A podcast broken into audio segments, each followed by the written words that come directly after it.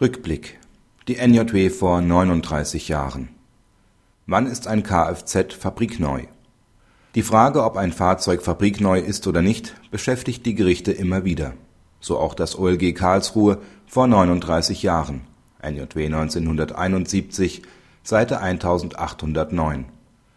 Es erachtete einen auf einen bestimmten Halter zugelassenen Pkw auch dann nicht mehr für fabrikneu, wenn das Fahrzeug noch nicht gefahren worden ist die einzig zuverlässigen Angaben über die Fabrikneuheit, gleichbedeutend mit dem Nichtbestehen eines Voreintrags, ergebe sich aus dem Brief, so das OLG weiter.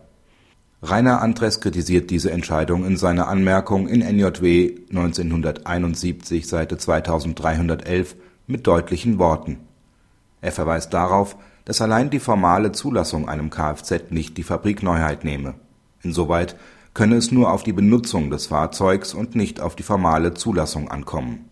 Unter Bezugnahme auf das Kammergericht in NJW 1969, Seite 2145, weist er darauf hin, dass der Fabrikneuheit nicht einmal entgegenstehe, dass der Wagen einer Bauserie des Vorjahres angehört.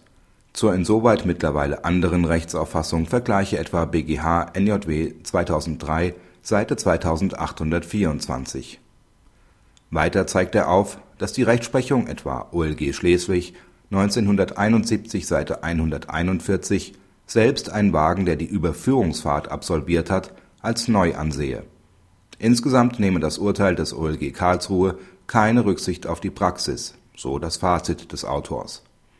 In dem in diesem Heft veröffentlichten Judikat des BGH vom 15.09.2010 NJW 2010 Seite 3710 geht es um die Frage, ob mit der Beschaffenheitsangabe „ Vorführwagen “ein bestimmtes Alter eines Fahrzeugs vereinbart wird. Der BGH verneint diese Frage, weist aber darauf hin, dass bei Vorliegen besonderer Umstände auch ein Vorführwagen ein bestimmtes Alter nicht überschreiten darf